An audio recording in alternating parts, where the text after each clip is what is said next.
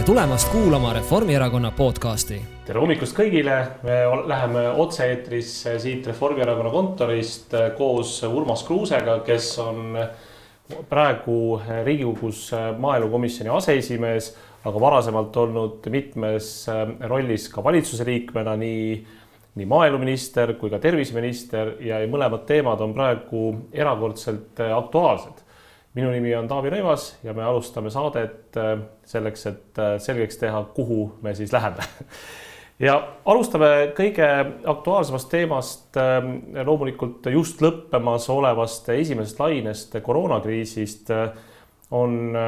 võib öelda, et see ütleme, viiruse leviku suurem laine on jäämas selja taha. me veel ei tea, kas teine laine tuleb või ei tule, suure tõenäosusega siiski ta tulla võib ja selleks loomulikult valmistuma peab aga kuidas sa, Urmas, hindad seda,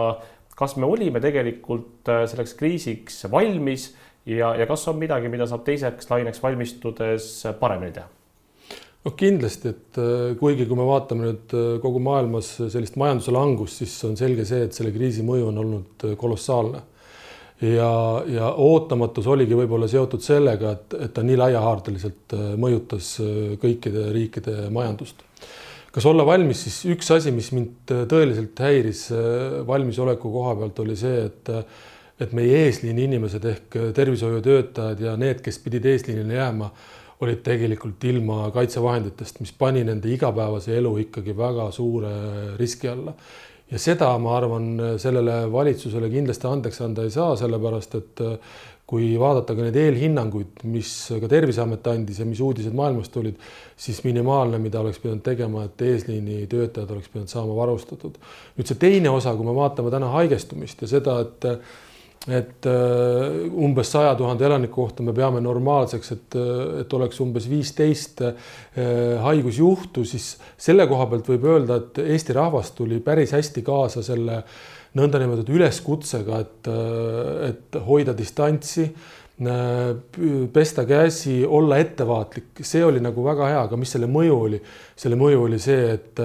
osad sektorid said ikkagi väga raskelt pihta ja kui me võtame kasvõi hotellindust, ka kaubanduskeskusi, siis nende käivete langemine kas nullini või üheksakümne protsendini oli ikkagi väga suur löök no muidugi jah, tänase saate peateema ongi ju peamiselt majandusega seotud, aga, aga ma olen nõus sinuga, et et kriisiks valmistumise mõttes äh, ütleme seda, et, et meil ei olnud võib-olla pool aastat tagasi kõiki võimalikke varusid, seda ilmselt me, olles mõlemad olnud ka terviseministri rollis, äh, mõistame, et ega kõikideks kriisideks valmistumine sajaprotsendiliselt äh, ei olegi võimalik. aga seda, kui veebruaris ei valmistutud või ka märtsis veel ei valmistutud ja ei hangitud neid, sealhulgas isikukaitsevahendeid, aga, aga võib-olla ka täiendavaid intensiivravikohtasid, et, et see loomulikult äh, noh, ütleme nii, et äh, ei kannata kriitikat ja, ja tuleks järgmiseks laineks valmistudes ikkagi oluliselt rohkem valmis olla. no tegelikult äh, olgem ausad, et väga palju mõjutab ka inimeste käitumist ja hoiakut see, kuidas valitsuse liikmed käituvad. ja kui me meenutame seda, mida Mart Helme ühel pressikonverentsil või valitsuse pressikonverentsil ütles, et kasutage hanerasva sõna otseses mõttes, mis tegelikult äh, mõnes mõttes devalveerib ka seda hoiakut, et me peame olema väga ettevaatlikud ja asi on tegelikult tõsine. ja teistpidi ka see, et, et eile olid korraga siis äh, nii Terviseameti äh, seisukoht, et või oli see üleeile, et, et, et, et tuleks ohutaset langetada ja samal ajal peaministri sõnum, et, et nakatumiskordaja on tõusnud ja, ja see on erakordselt ohtlikuks muutunud, et need sõnumid läksid nii-öelda nullist sajani eh, sekunditega. aga tuleme majanduse juurde, et üks asi, milles eh, me ei olnud kriisi sisenedes muidugi valmis ja sellest oli nüüd väga huvitav eh, arutelu just parlamendis koos Jürgen Ligi, Madis Müller, Toomas Luman ja Raul Eamets, kes kõik rääkisid sellest, et kuidas me olime nii-öelda riigi rahanduse poole pealt valmis sa kuulasid seda arutelu tähelepanelikult, ütle, mis mulje sulle sellest jäi, et, et kas saab öelda ka niimoodi väga lahke inimesena, et me tegelikult olime selleks kriisiks rahanduslikult valmis ja läksime õigelt positsioonilt kriisi? no kui me räägime rahandusest, siis ma arvan, et see saab olema kindlasti üks äh, Eesti piinlikutest lugudest ja, ja mida ma siin silmas pean kui me teame seda, et Eesti riik oma olemuselt on väike avatud majandusega riik, siis on e-, ääretult oluline see, et riigieelarve oleks korras ja korras all. Mõtlen ma ka seda, et oleks tasakaalus, oleks varud olemas ja kõik ju põhimõtteliselt kinnitasid ka sellel Riigikogu arutelul seda, et varusid oli vähe, et Eesti Pank ju arvesse võtmata veel käesolevat aastat ütles, et noh, et et oleks võinud seitsesada viiskümmend miljonit rohkem olla, aga kui me meenutame ka neid aegu, kui eh, mina kaks tuhat neliteist, viisteist, kuusteist valitsuses olime, siis need printsiibid, mis ka tollel ajal kehtisid ja miks need olulised olid, et see, et kulutada oskab iga valitsus, mm. et laenu võtta oskab iga valitsus, aga kuidas riigis asju korraldada niimoodi õigesti, et, et oleks ka turvatud äh, tagavarad olemas, see on hoopis keerulisem ülesanne ja selle koha pealt võib öelda, Jüri Ratase valitsus äh, ei tänane, ei eilne ei ole sellega hakkama saanud. Ja see on suur probleem. Jah, sellega ma olen väga nõus, et, et olles sinuga koos kolm aastat valitsuses olnud ja enne seda veel ka aasta jagu Andruse valitsuses ja näinud seda ka, ka rahanduskomisjoni esimehena varasematest perioodidest, siis äh, ongi iga valitsuse võib-olla kõige olulisem nii-öelda stabiilsuse tagamise roll see, et kui sa eelarvet teed, siis tulud ja kulud peavad kokku saama ja, ja ma olen väga nõus, et eks nii nagu igaüks oskab äh, ka ise üle võimete küllap kulutada ja, ja rohkem kulutusi teha, kui, kui sissetulek on, nii on ka, ka riigina väga lihtne ju kulutada tulevaste põlvede arvelt ja ja kui praegu on täiesti elementaarne, et, et riik peab kulusid suurendama, olgu see tervishoiule, olgu see sotsiaalhoolekandele, töötusele Need, need teemad, meil ei ole siin valikut, me peame seda tegema ja, ja ilmselt on mõistlik ka teha riigi poolt täiendavaid investeeringuid selleks, et oleks äh, siis äh, majandust äh, see ütleme, langus veidi väiksem, siis majanduskasvu aastatel miinusesse laskmine on täpselt kontraproduktiivne, et ühelt poolt sa kuumendad turgu üle ja teiselt poolt sa kulutad ära selle reservi, mis on kunagi siis varasemate valitsuste poolt raske tööga kogutud ja see oli tegelikult selles mõttes haruldaselt äh, nagu üksmeelne arutelu Riigikogus, et äh, tegelikult ju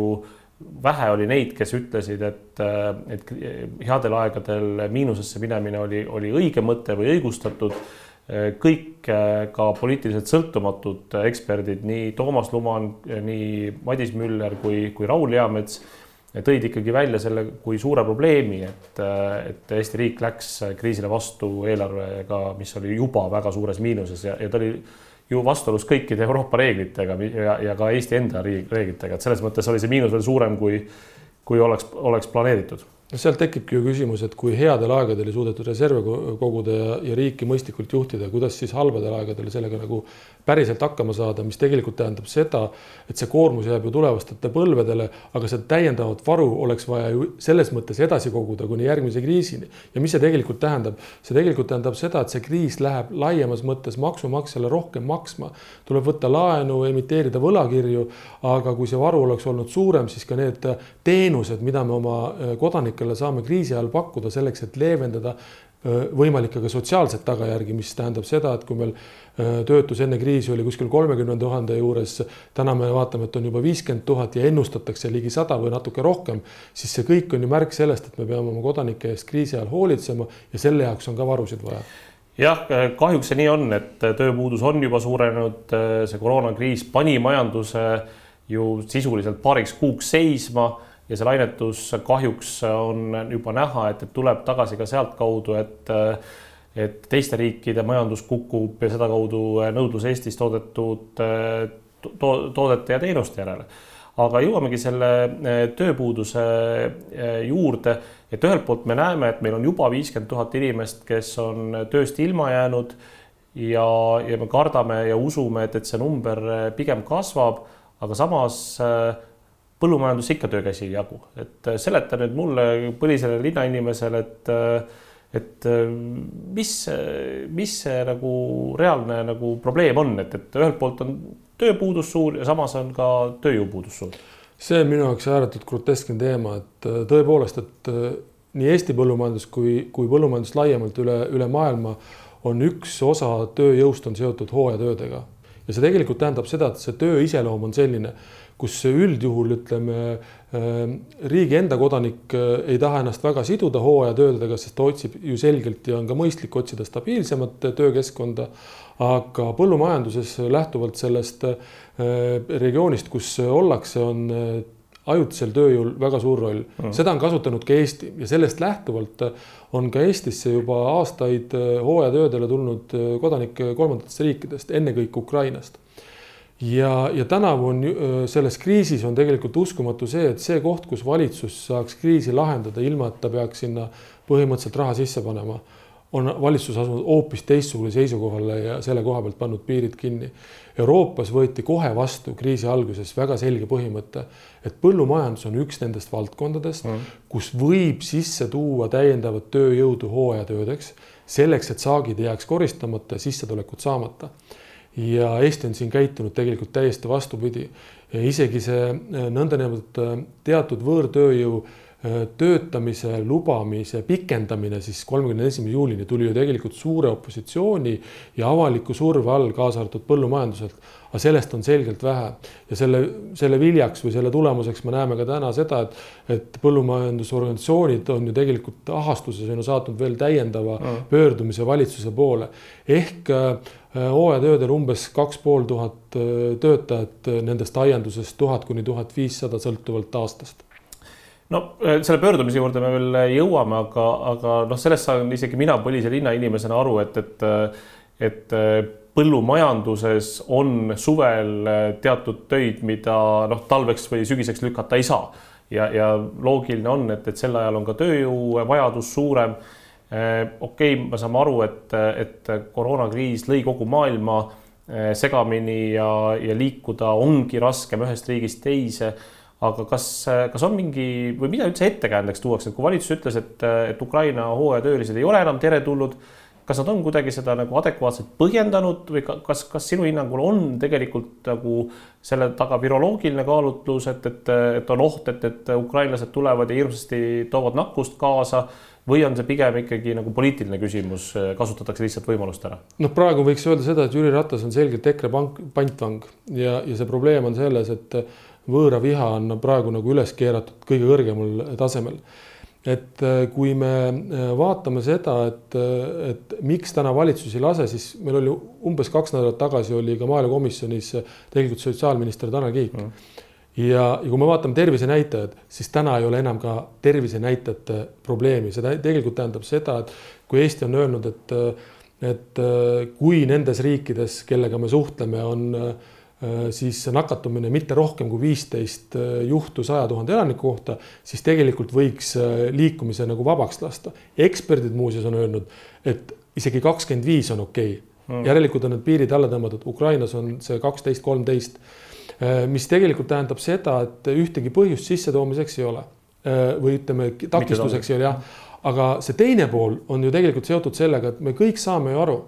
et kui tekib tööjõupuudus siis loomulikult tekib ka Eesti turul, tööjõuturul rohkem vabu töökäsi. aga mis nüüd siis juhtunud on selle aja jooksul, et kui me oleme jõudnud kolmekümnest tuhandest viiekümne tuhande töötuni. põllumajandusse sellel ajal on läinud umbes äh, natuke üle saja inimese äh,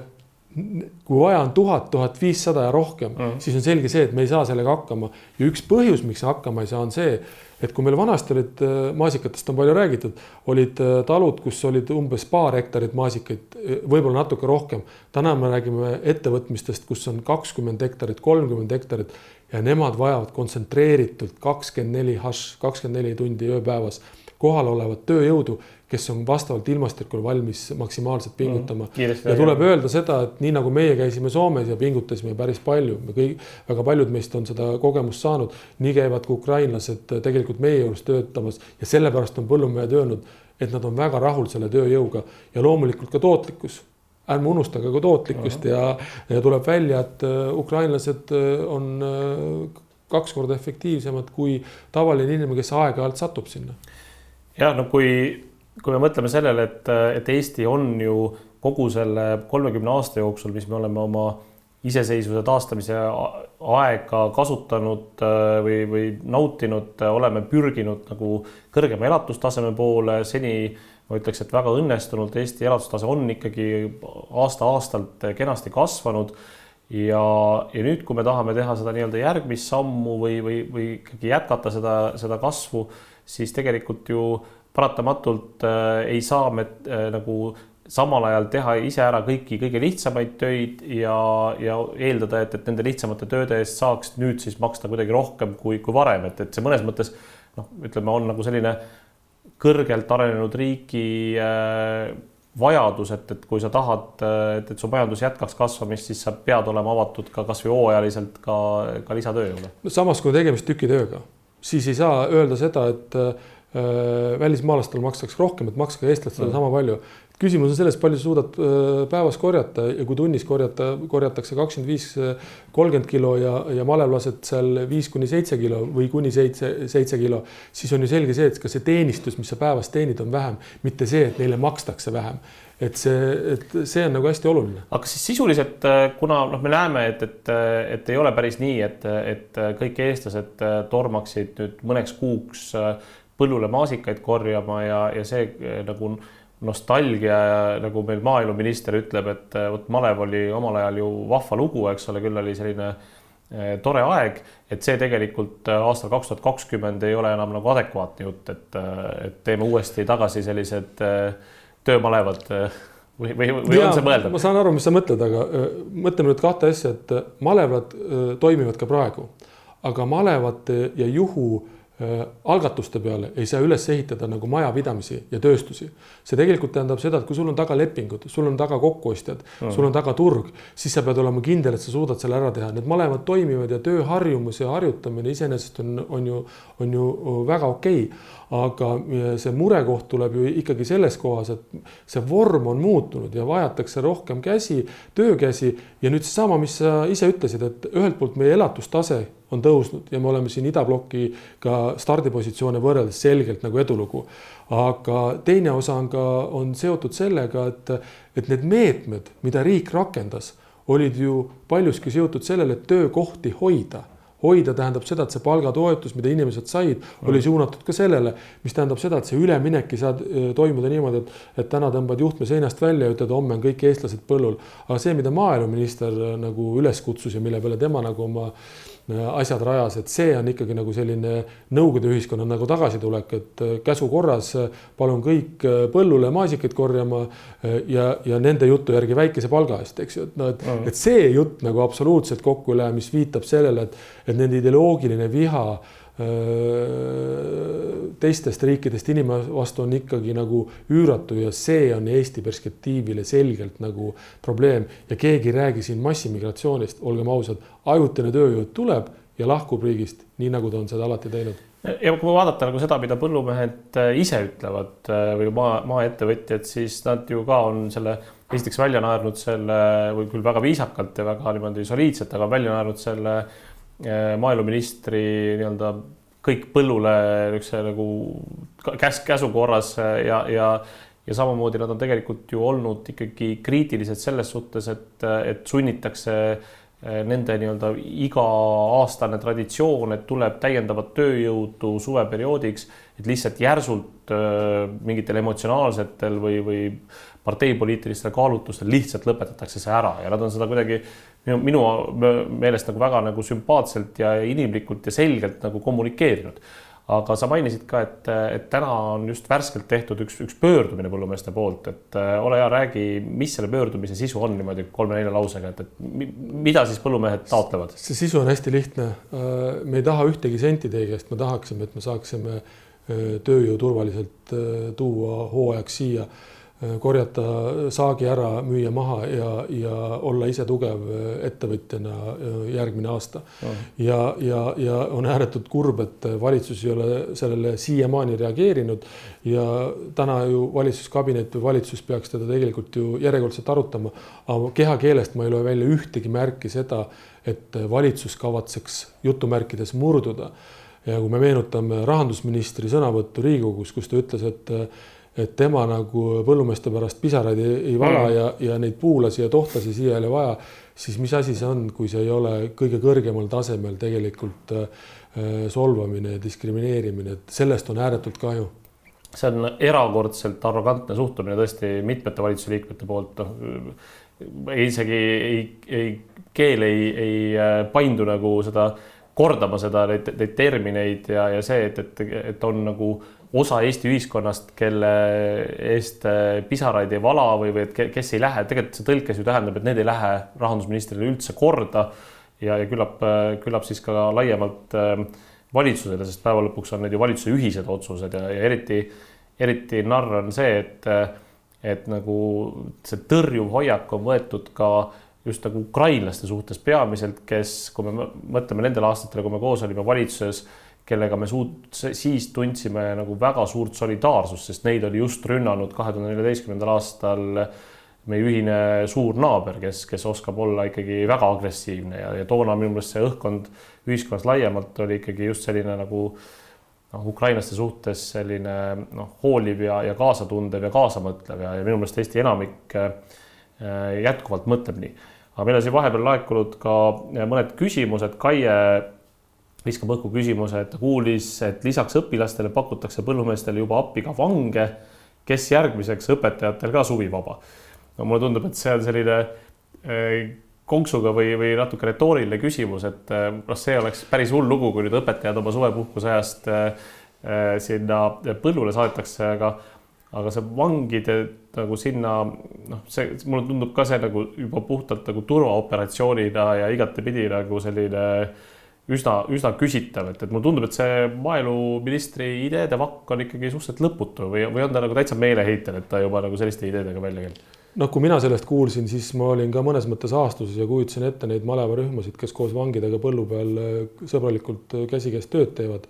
aga tegelikult see näitab ju seda, et, äh, et neid sisu ei huvita. Nad, nad otsivad selliseid lahendusi, mille tööle rakendamine on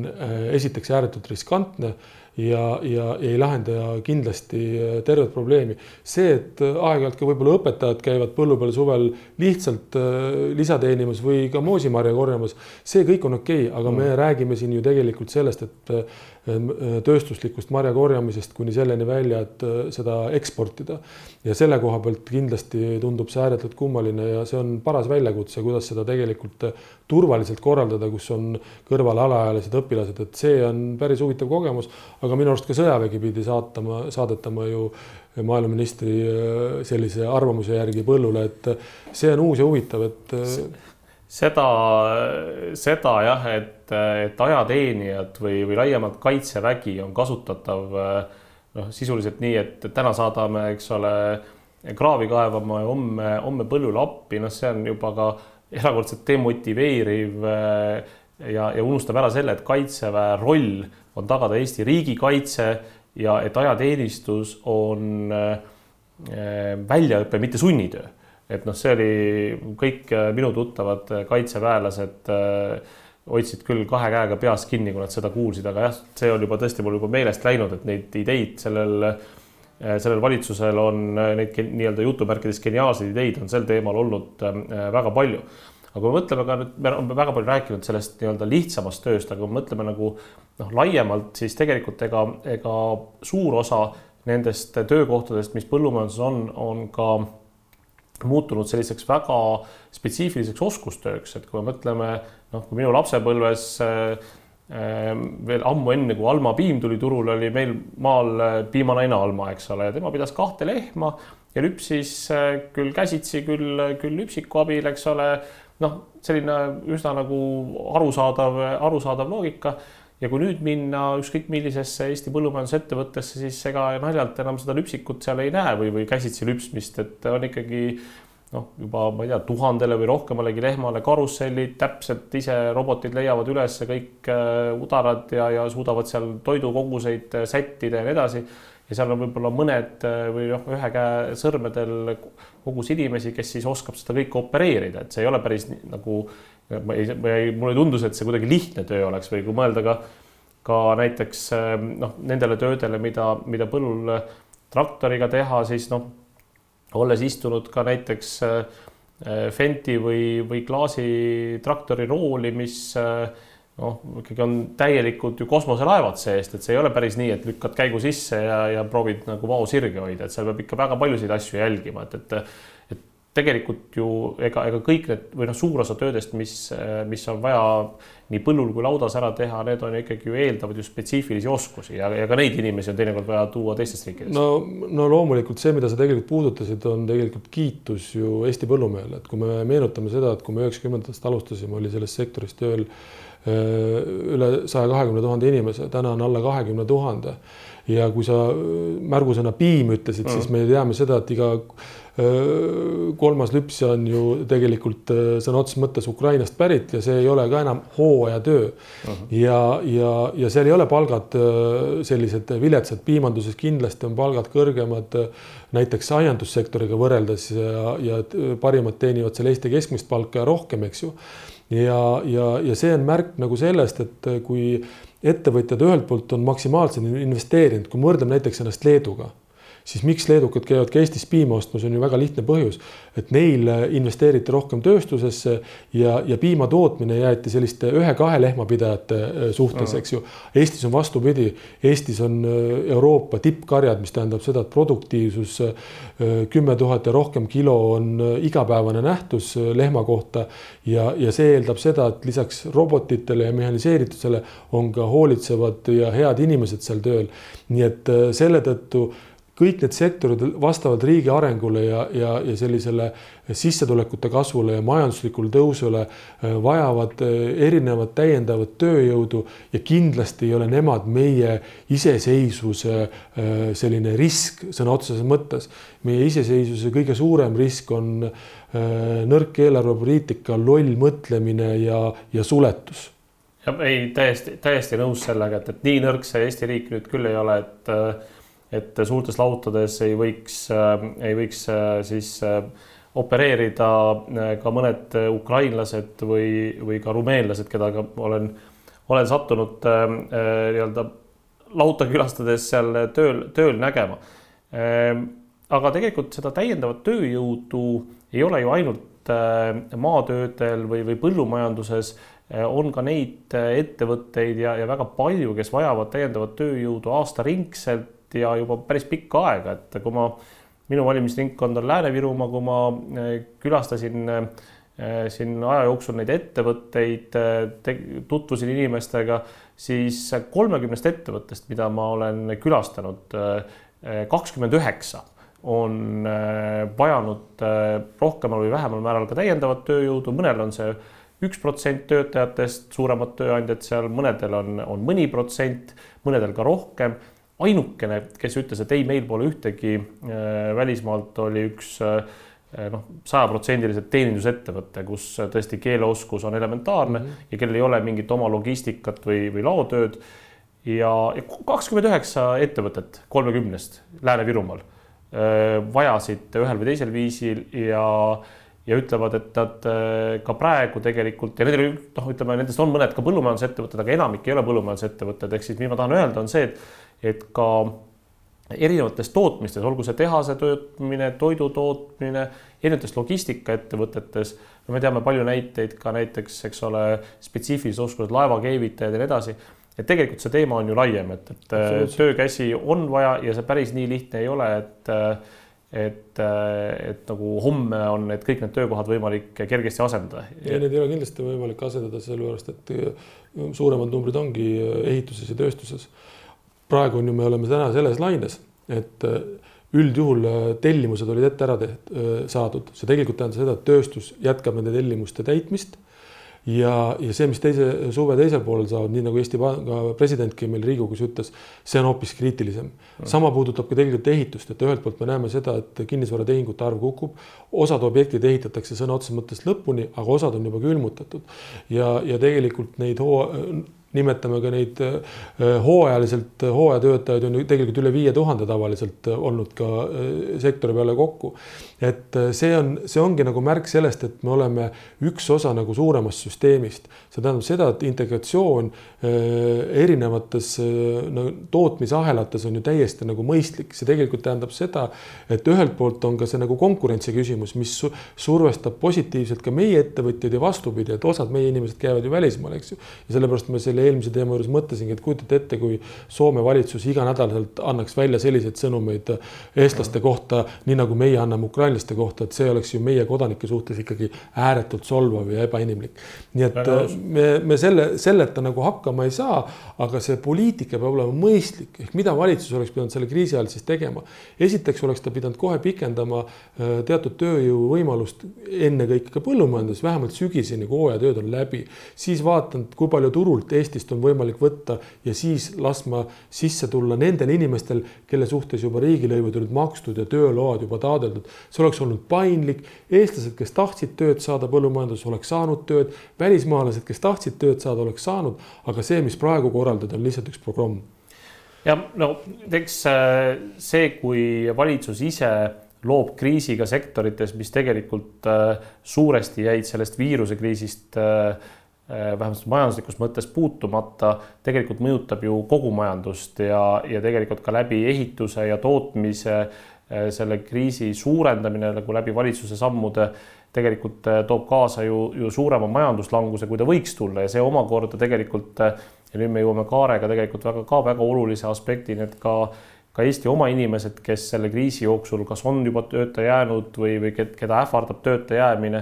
et kui majandusel läheb kehvemini ja, ja riik pigem pitsitab ettevõtjaid, siis tegelikult on ju ka nende töökohad sedavõrra suuremas ohus. absoluutselt ja seal on ju seesama loogika ka veel, et, et see läheb meie maksumaksjale kallimaks maksma, et miks me peaksime kulutama maksumaksja raha selleks, kus tegelikult töö tehakse ära kui oleks mõistlik nagu mõtlemine ja, ja aga seda täna ilmselt ei tunnetata, et noh, et, et äh, võib-olla see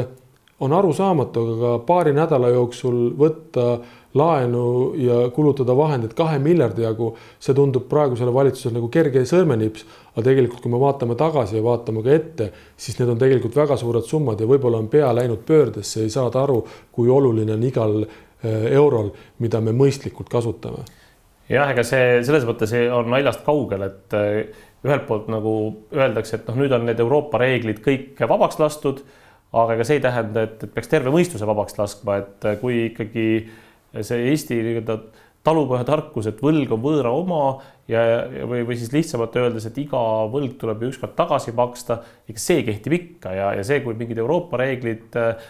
hetkeks pausile pannakse, see ei tähenda, et, et üldine nagu majandusloogika pausile jääks, et, et ega see majandusloogika ikka, ikka püsib, et noh, tegelikult ega täna ju on see seis, kus meil ei olegi alternatiivi, me peame võtma ainuüksi eelarve kulude katteks juba nende nii-öelda olemasolevate kulude katteks. Ma arvan, et me kumbki ju ei vaidlusta ka seda, et kindlasti on vaja tervishoidu lisakulusid, kindlasti on vaja eh, paljudesse teistesse valdkondadesse lisakulusid selleks, et hoida sektorid vee peal. Ja, ja kui äh, me nagu noh, juba ainuüksi selleks vajame laenuraha, siis, siis noh, tegelikult äh, see oht, et, et invest-, suured investeeringud äh, või nende jaoks ei jätku või et, et, et see laenukoorem lõpuks kasvab nii suureks, et, et ta, ta on väga raske järgmistel põlvedel tagasi maksta, on ikkagi väga suur. no ja, aga seesama teema, et kui võetakse võlgu ja öeldakse avalikkusele, et me nüüd kavatseme investeerima, investeerida, siis kus need projektid on? et me ei ole ju neid ka tegelikult näinud, et, et äh, ma toon lihtsalt ühe näite, et äh, kui me räägime Tartu lõunaringist, mille projekt oli ammu valmis, siis valitsus lükkas selle tegelikult oma olemuselt kahekümne neljandasse või viiendasse aastasse. ja nüüd, kui ma peaministri käest küsisin, et kuulge, et kas teil nüüd on nagu mõistus, et tuua see nagu tagasi, siis ta ütles, no me arutame seda, aga see on see loogika, et minu arust isegi äh, rahanduskomisjoni esimees Kokk ütles Riigikogu puldis, et noh, et see on umbes nagu ainukene projekt, mis riigilt tuleks kohe äh, taristuprojektidest võtta ja võiks kohe töösse anda, kusjuures tegemist on kõige ohtlikuma ristmikuga. ja, ja tegelikult lisaks sellele Tartu lõunaringile on ju viimase mõne aasta jooksul väga paljusid asju edasi lükatud, et ka Rail Baltic, mille jaoks kahe tuhande kuueteistkümnendal aastal eraldati veerand miljoni, veerand miljardit, vabandust, üle kahesaja viiekümne miljoni euro selleks, et, et teha neid töid, siis praeguseks on kulutatud sellest mõniteist protsenti ehk umbes nelikümmend miljonit ja, ja samamoodi ka, ka mitmed teised asjad, olgu see idapiiri väljaehitamine või mis iganes, mida tegelikult peab kiirendama, nii et pigem oleme eh, oleme nagu ütleme vasta, vastasuunas liikumas. oled sa märganud entusiasmi EKRE ministrite osas tegeleda Rail Balticuga? olen märganud entusiasmi tegeleda Rail Balticuga, aga kontraproduktiivselt, ehk siis noh, meile tegelikult on Euroopa Liidu asjade komisjonis Martin Helme otse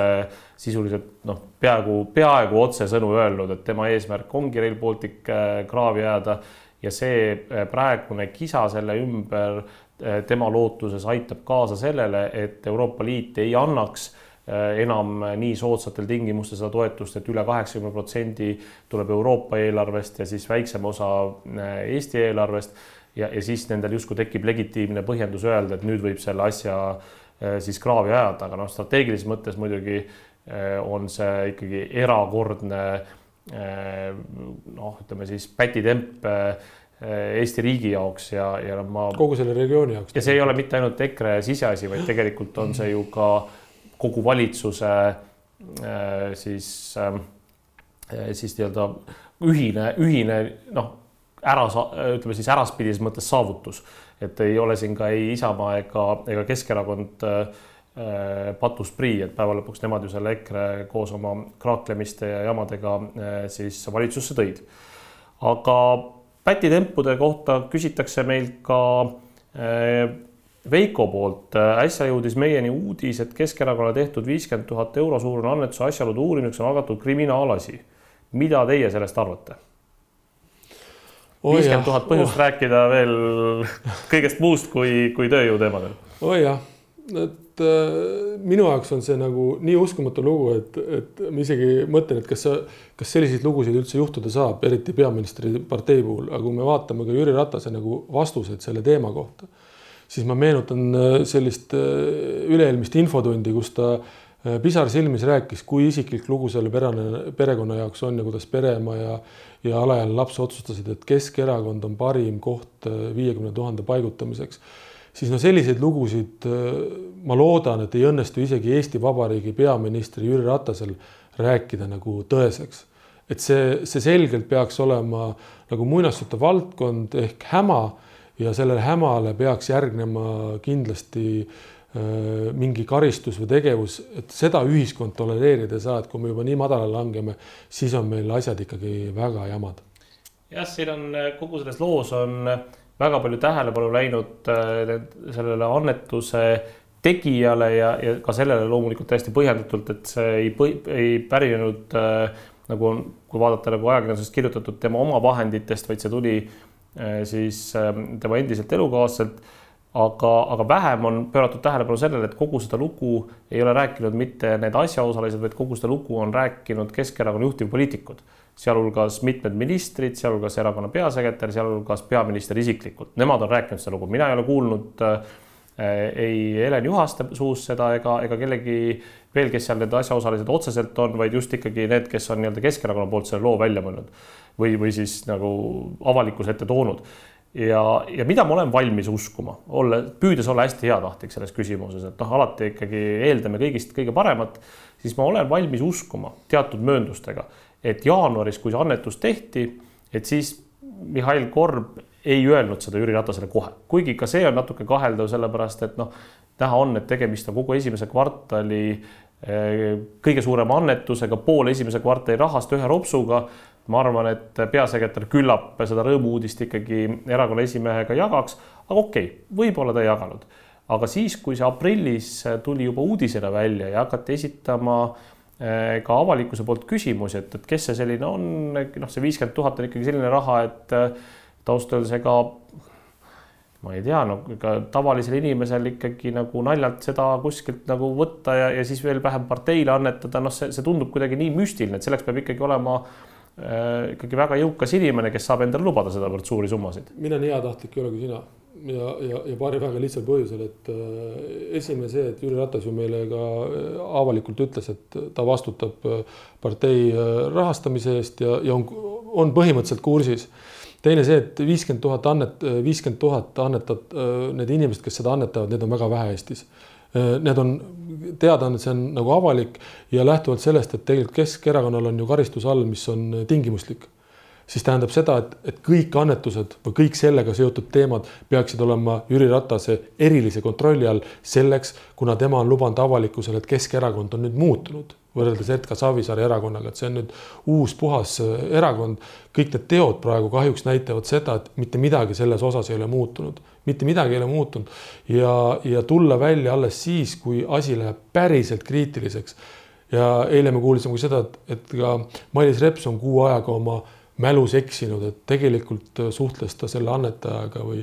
alles äh, tegelikult siin maikuus, kuigi alguses ta ütles, et ta juba aprillis oli tal nagu ülevaade olemas. et minu jaoks see lugu, ma loodan väga, et äh, seda uuritakse igati ja, ja minu jaoks ongi seal kaks asja. esimene asi on see võimalik juriidiline kriminaalne tegevus ja teine on see, et kuidas need asjad välja paistavad, nad paistavad niivõrd halvad välja et seal ei ole mingit nagu loogilist kohta, et ühel hetkel peab selle puhul tekkima ka poliitiline vastutus. Kas ta tekib täna, homme või ülehomme, aga see peab tekkima. jah, eks see teema on selles mõttes ju tõsine, et see ei ole küsimus ainult sellest, et, et üks erakond äh, midagi nagu teeb, see on see küsimus nagu laiemalt äh, poliitilisest konkurentsist, demokraatiast ühiskonna toimimisest, et kui keegi saab äh, valimistel ebaausa eelise, siis see mõjutab Eesti saatust, äh, Eesti tulevikku ja seetõttu loomulikult me ei saa sellesse kergelt suhtuda. ja kas see, kui kellelegi kantakse äh, viiskümmend tuhat lapse ülalpidamiseks väidetavalt ja, ja siis tal tekib mõte, et kas see annetada loomade varjupaigale ja lõpuks ikkagi otsustab Keskerakonnale annetada, et kas see on usutav või mitte jäägu see meie vaatajate hinnata. Aga jah, ütleme pehmelt öeldes küsitavusi see tekitab. aga head vaatajad, äh, ongi aeg läinud äh, kui linnutiivul.